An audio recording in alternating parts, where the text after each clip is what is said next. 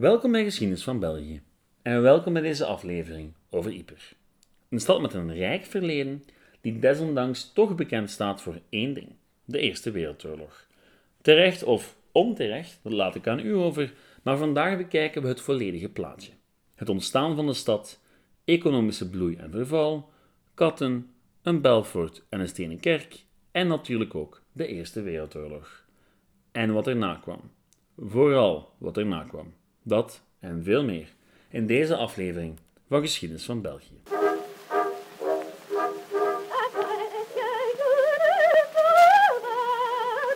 Historische steden zijn altijd een vorm van historische fictie, in meer of mindere mate. Het Gentse gravensteen vandaag lijkt in weinig op het gravenkasteel van de graven van Vlaanderen. Net zoals het Antwerpse steen ook zonder modern bijbouwsel vandaag de dag vooral een 19e-eeuwse constructie is en geen goed bewaard 13e-eeuws poortgebouw. En wees gerust, ik kan voor zowat elke historische stad in België een voorbeeld vinden van een gebouw dat er historisch uitziet, maar in werkelijkheid een relatief recente interpretatie is van een ver verleden. Een beetje zoals een historische roman. Het leest goed, maar in werkelijkheid klopt niet alles. Is een deel van de personages verzonnen? Zijn sommige dingen anders gebeurd of helemaal niet gebeurd? Leuk om te lezen, maar ja, niet echt. Weet u wel? Wel, um, dat geldt voor een groot deel ook voor Yper. Want de historische binnenstad van Yper ziet er leuk uit, maar is niks dan fictie. Er staat bijna geen enkel gebouw dat nog in dezelfde staat is als pakweg 120 jaar geleden. En de reden ligt voor de hand. Oorlog. De Eerste Wereldoorlog om precies te zijn. In 1918 bleek dat van de stad geen vierkante meter gespaard was gebleven. Wat de voormalige bewoners van de stad voor een moeilijke keuze stelden. Terugkeren en opbouwen uit het niets of elders opnieuw beginnen. Wel, het feit dat de stad nog op exact dezelfde plek ligt, doet vermoeden dat de West-Vlamingen, koppegassen zijn, van geen wijken wouden weten. En dat die inwoners de geschiedenis van een stad niet zomaar konden loslaten. En over die geschiedenis gaan we het dus hebben. Vroeg of laat hebben we het wel degelijk over de Eerste Wereldoorlog en vooral over de heropbouw.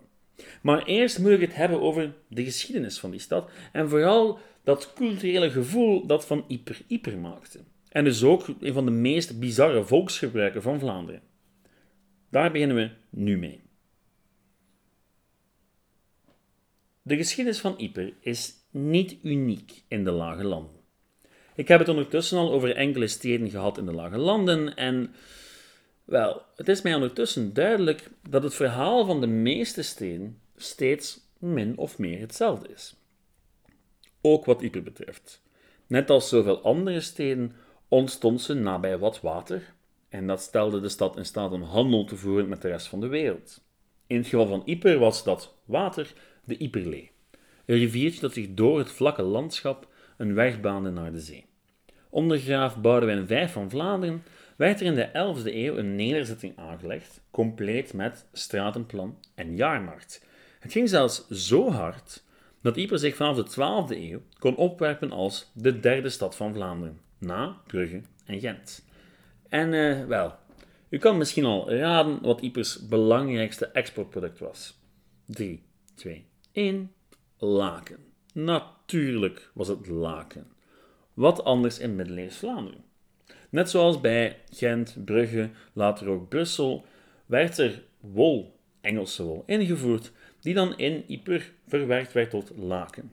Laken dat zijn weg vond tot in Rusland. En zoals dat gaat met economische bloei in middeleeuws Vlaanderen, werd die bloei al snel vertaald in gloednieuwe steden gebouwen. Inclusief stadswallen met maar liefst negen poorten en een heleboel stenen kerken. Het symbool van de Yperse welvaart waren natuurlijk de lakenhallen en haar Belfort. Nu, die lakenhallen die hadden natuurlijk ook een praktische functie, zijnde dienen als een overdekte markt voor de verkoop van laken en de opslag van laken. Maar wel, net zoals in andere steden, was dat Belfort een symboolverklaring. Een symboolverklaring van de eigen stedelijke macht. En Yper had ook heel wat macht in die periode. Macht die ze uitoefende. Want hoewel ik het tijdens mijn afleveringen over de middeleeuwen in de Nederlanden, vooral over Gent en Brugge heb gehad, waren de Yperlingen er wel degelijk steeds bij betrokken. Of het nu de Golden Sporenslag was, de slag bij de Pevelenberg, de opstand van Artevelde, telkens speelde Yper een rol. Veel meer dan bijvoorbeeld Kortrijk, dat vandaag de dag in West-Vlaanderen een stuk groter en belangrijker is dan Yper. Wat me brengt tot de neerval van Yper.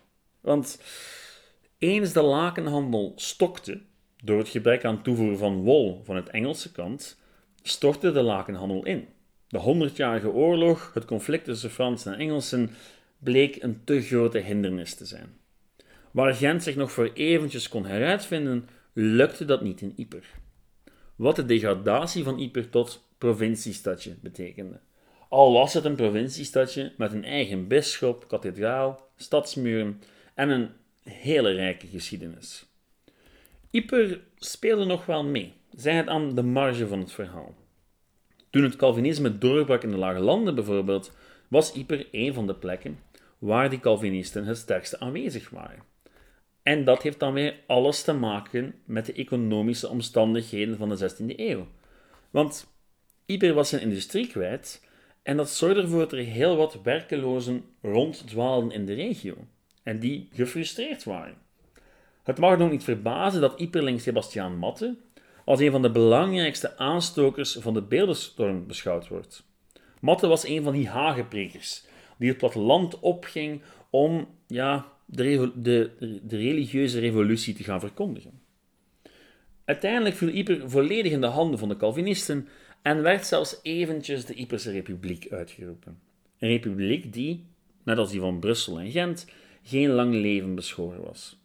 Toen de zuidelijke Nederlanden door Farnese weer tot de orde geroepen werden, braken er weer wat rustiger tijden aan voor de regio. Tot de ambities van een zekere Louis XIV ervoor zorgden dat Franse legers met de regelmaat van een klok Yper en omstreken binnenvielen.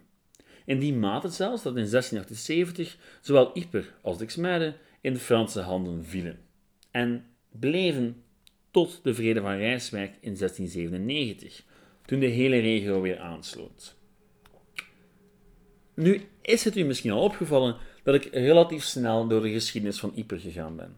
Niet omdat die geschiedenis niet boeiend is, maar wel omdat het een relatief gelijkaardig verhaal is als die van een boel andere steden in de Lage Landen. U weet wel, rivier, handel, bloei, Belfort, oorlogen, kerken enzovoort.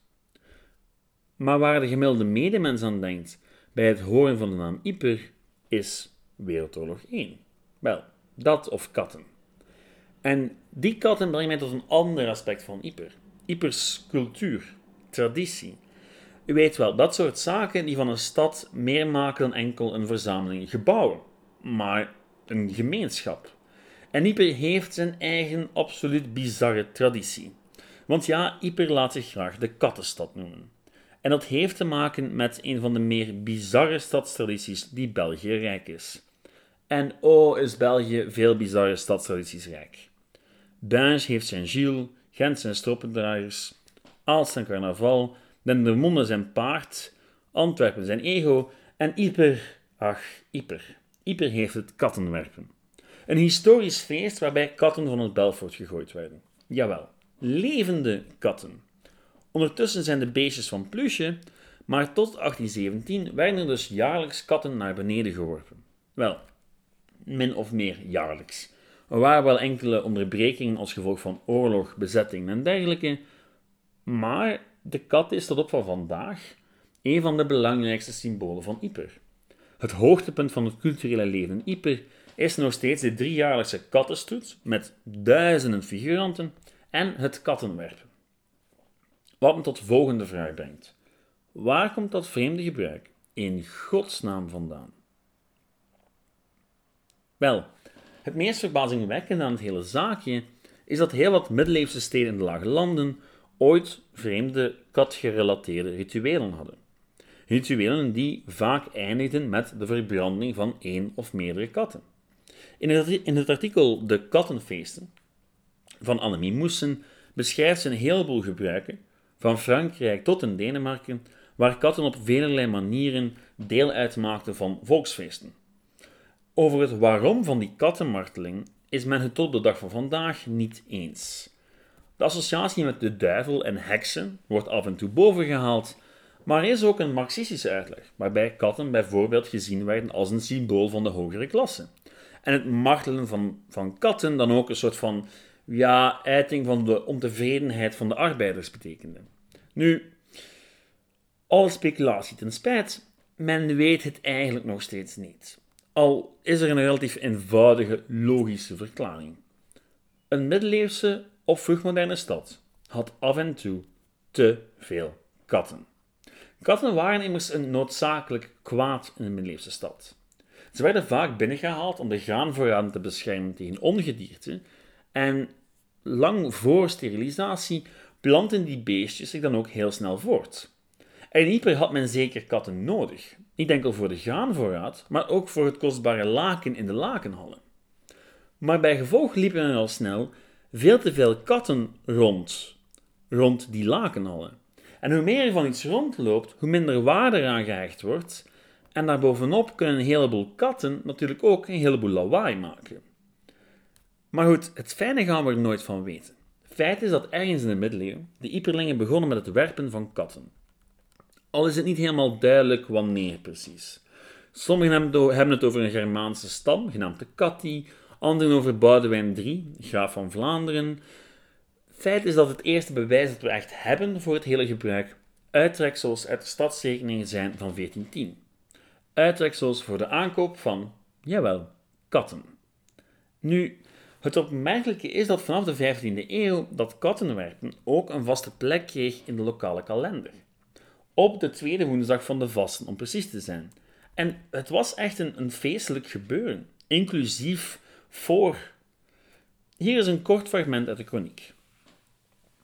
De zevende, achtste en negende marten, zo was het Ipermaart. En de daar stonden kramen en de al der ander gaten der venten. En de, de derde woensdag, zo smeet men de katten en de ommen te brengen op de oude kostumen. Zo weer er drie geworpen en de, de zak geschud om het gemene wat te courageren.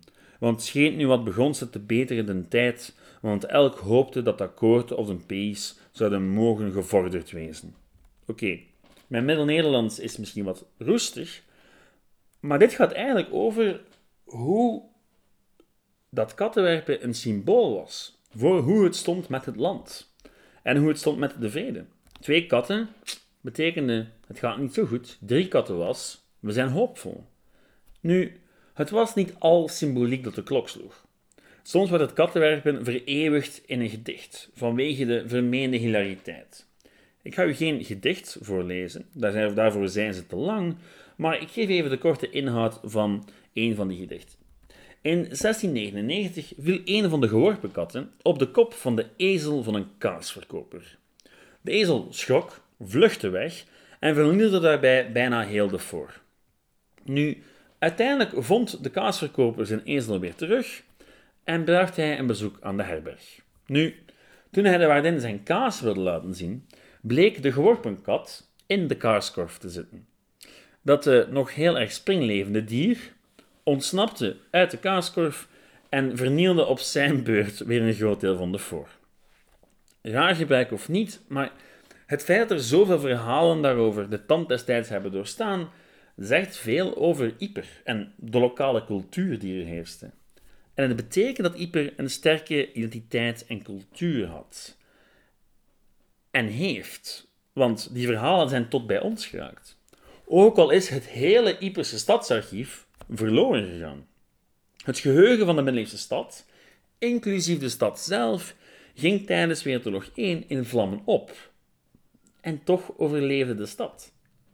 Wat ons natuurlijk brengt tot Wereldoorlog 1. Toen die aanbrak, was het kattenwerpen al een tijdje uit de mode. In 1817 werden de laatste katten geworpen en, wel, het gebruik werd simpelweg niet meer bon ton geacht in een meer verlichte tijd. Al zou die verlichte tijd en haar idealen natuurlijk ook leiden tot Wereldoorlog 1 en dus de totale verwoesting van Ypres. Het is eigenlijk een vreemde vorm van historisch toeval die ervoor gezorgd heeft dat Ypres vandaag de dag in het collectieve geheugen gebeiteld staat. Toen Duitsland België binnenviel, bleek al snel dat het Belgische leger hen niet tegen zou kunnen houden. Dat leger trok zich terug, wachtend op de steun van de geallieerden. Toen de geallieerden aankwamen, bleek de frontlinie tussen beiden vlak in de Westhoek te liggen. Aan de IJzer, om precies te zijn. En tijdens de eerste slag om Ypres wisten de geallieerden de stad vast te houden. En er zouden nog twee slagen op Ypres volgen, door haar positie vlak op de frontlinie, op een soort van bult eigenlijk. En bij elke slag sneuvelden meer en meer mensen, maar bleef ook steeds minder over van de stad. In en rond Ypres vocht Adolf Hitler, werden de eerste gasaanvallen gedaan en de eerste vlammenwerpers gebruikt. En toch is die oorlog niet echt waar ik het over hebben wil. Dat komt ook nog wel aan bod in een aflevering over de Eerste Wereldoorlog. Maar bent u daarin geïnteresseerd, dan raad ik u heel hard het Flanders Fields Museum in Ypres aan. Het blijft een van de beste oorlogsmusea van Europa en toont ook heel mooi wat er over was van Ypres na de oorlog. Zijnde bijna niks. En toch staat er vandaag de dag een stad.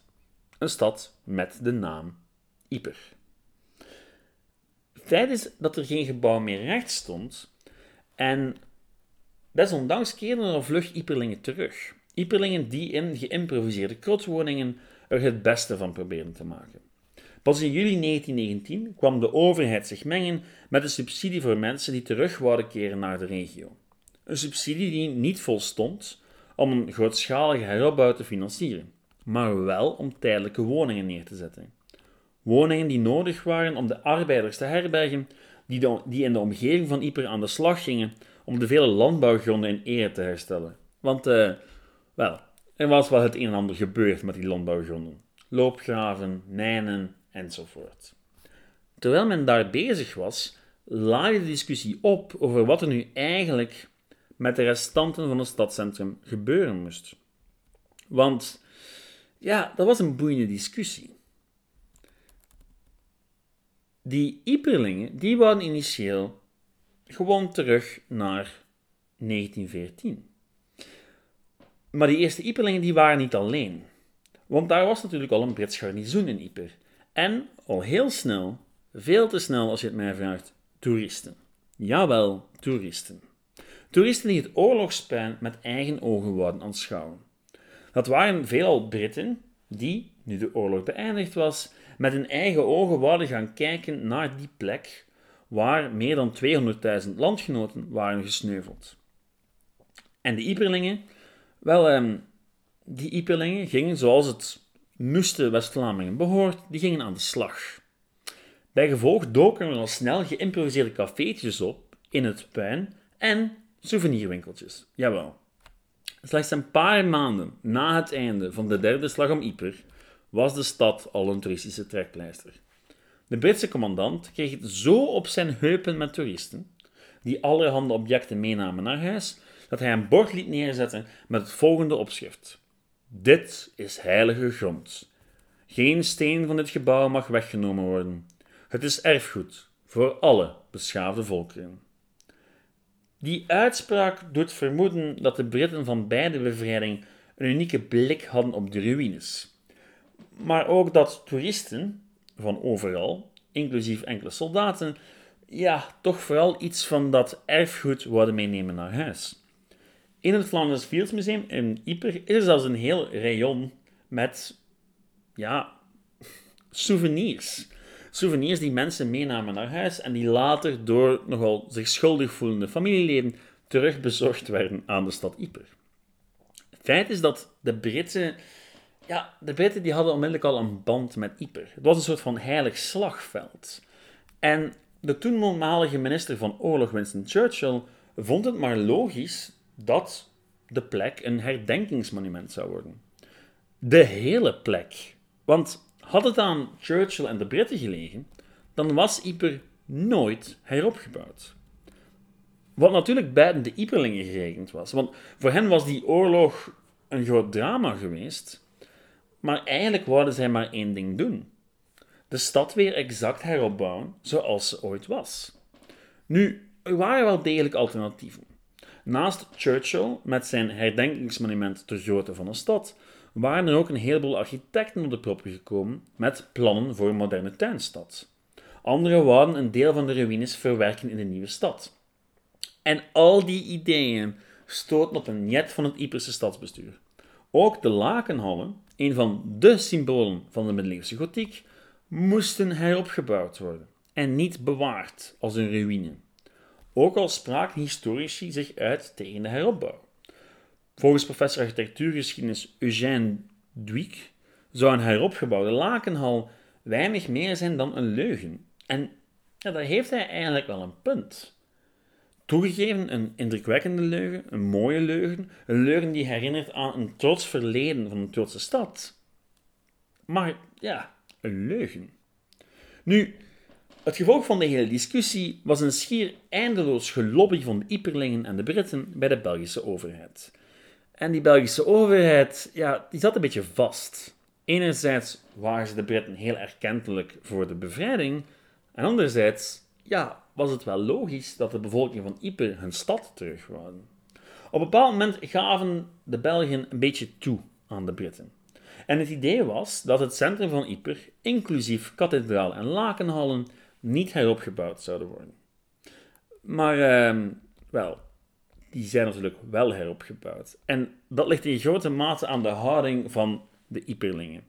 Want de Belgische regering durfde haar besluit niet op te leggen aan de stad, en terwijl de Britse troepen langzaam maar zeker huiswaarts keerden, liet de burgemeester van Yper zijn bewoners terugkeren en beginnen met de heropbouw. En uiteindelijk legden de Britten zich dan maar neer bij de situatie en focusten ze zich op de bouw van de Menepoort, het gigantische herdenkingsmonument. En zo zou Yper uiteindelijk uit zijn assen herrijzen.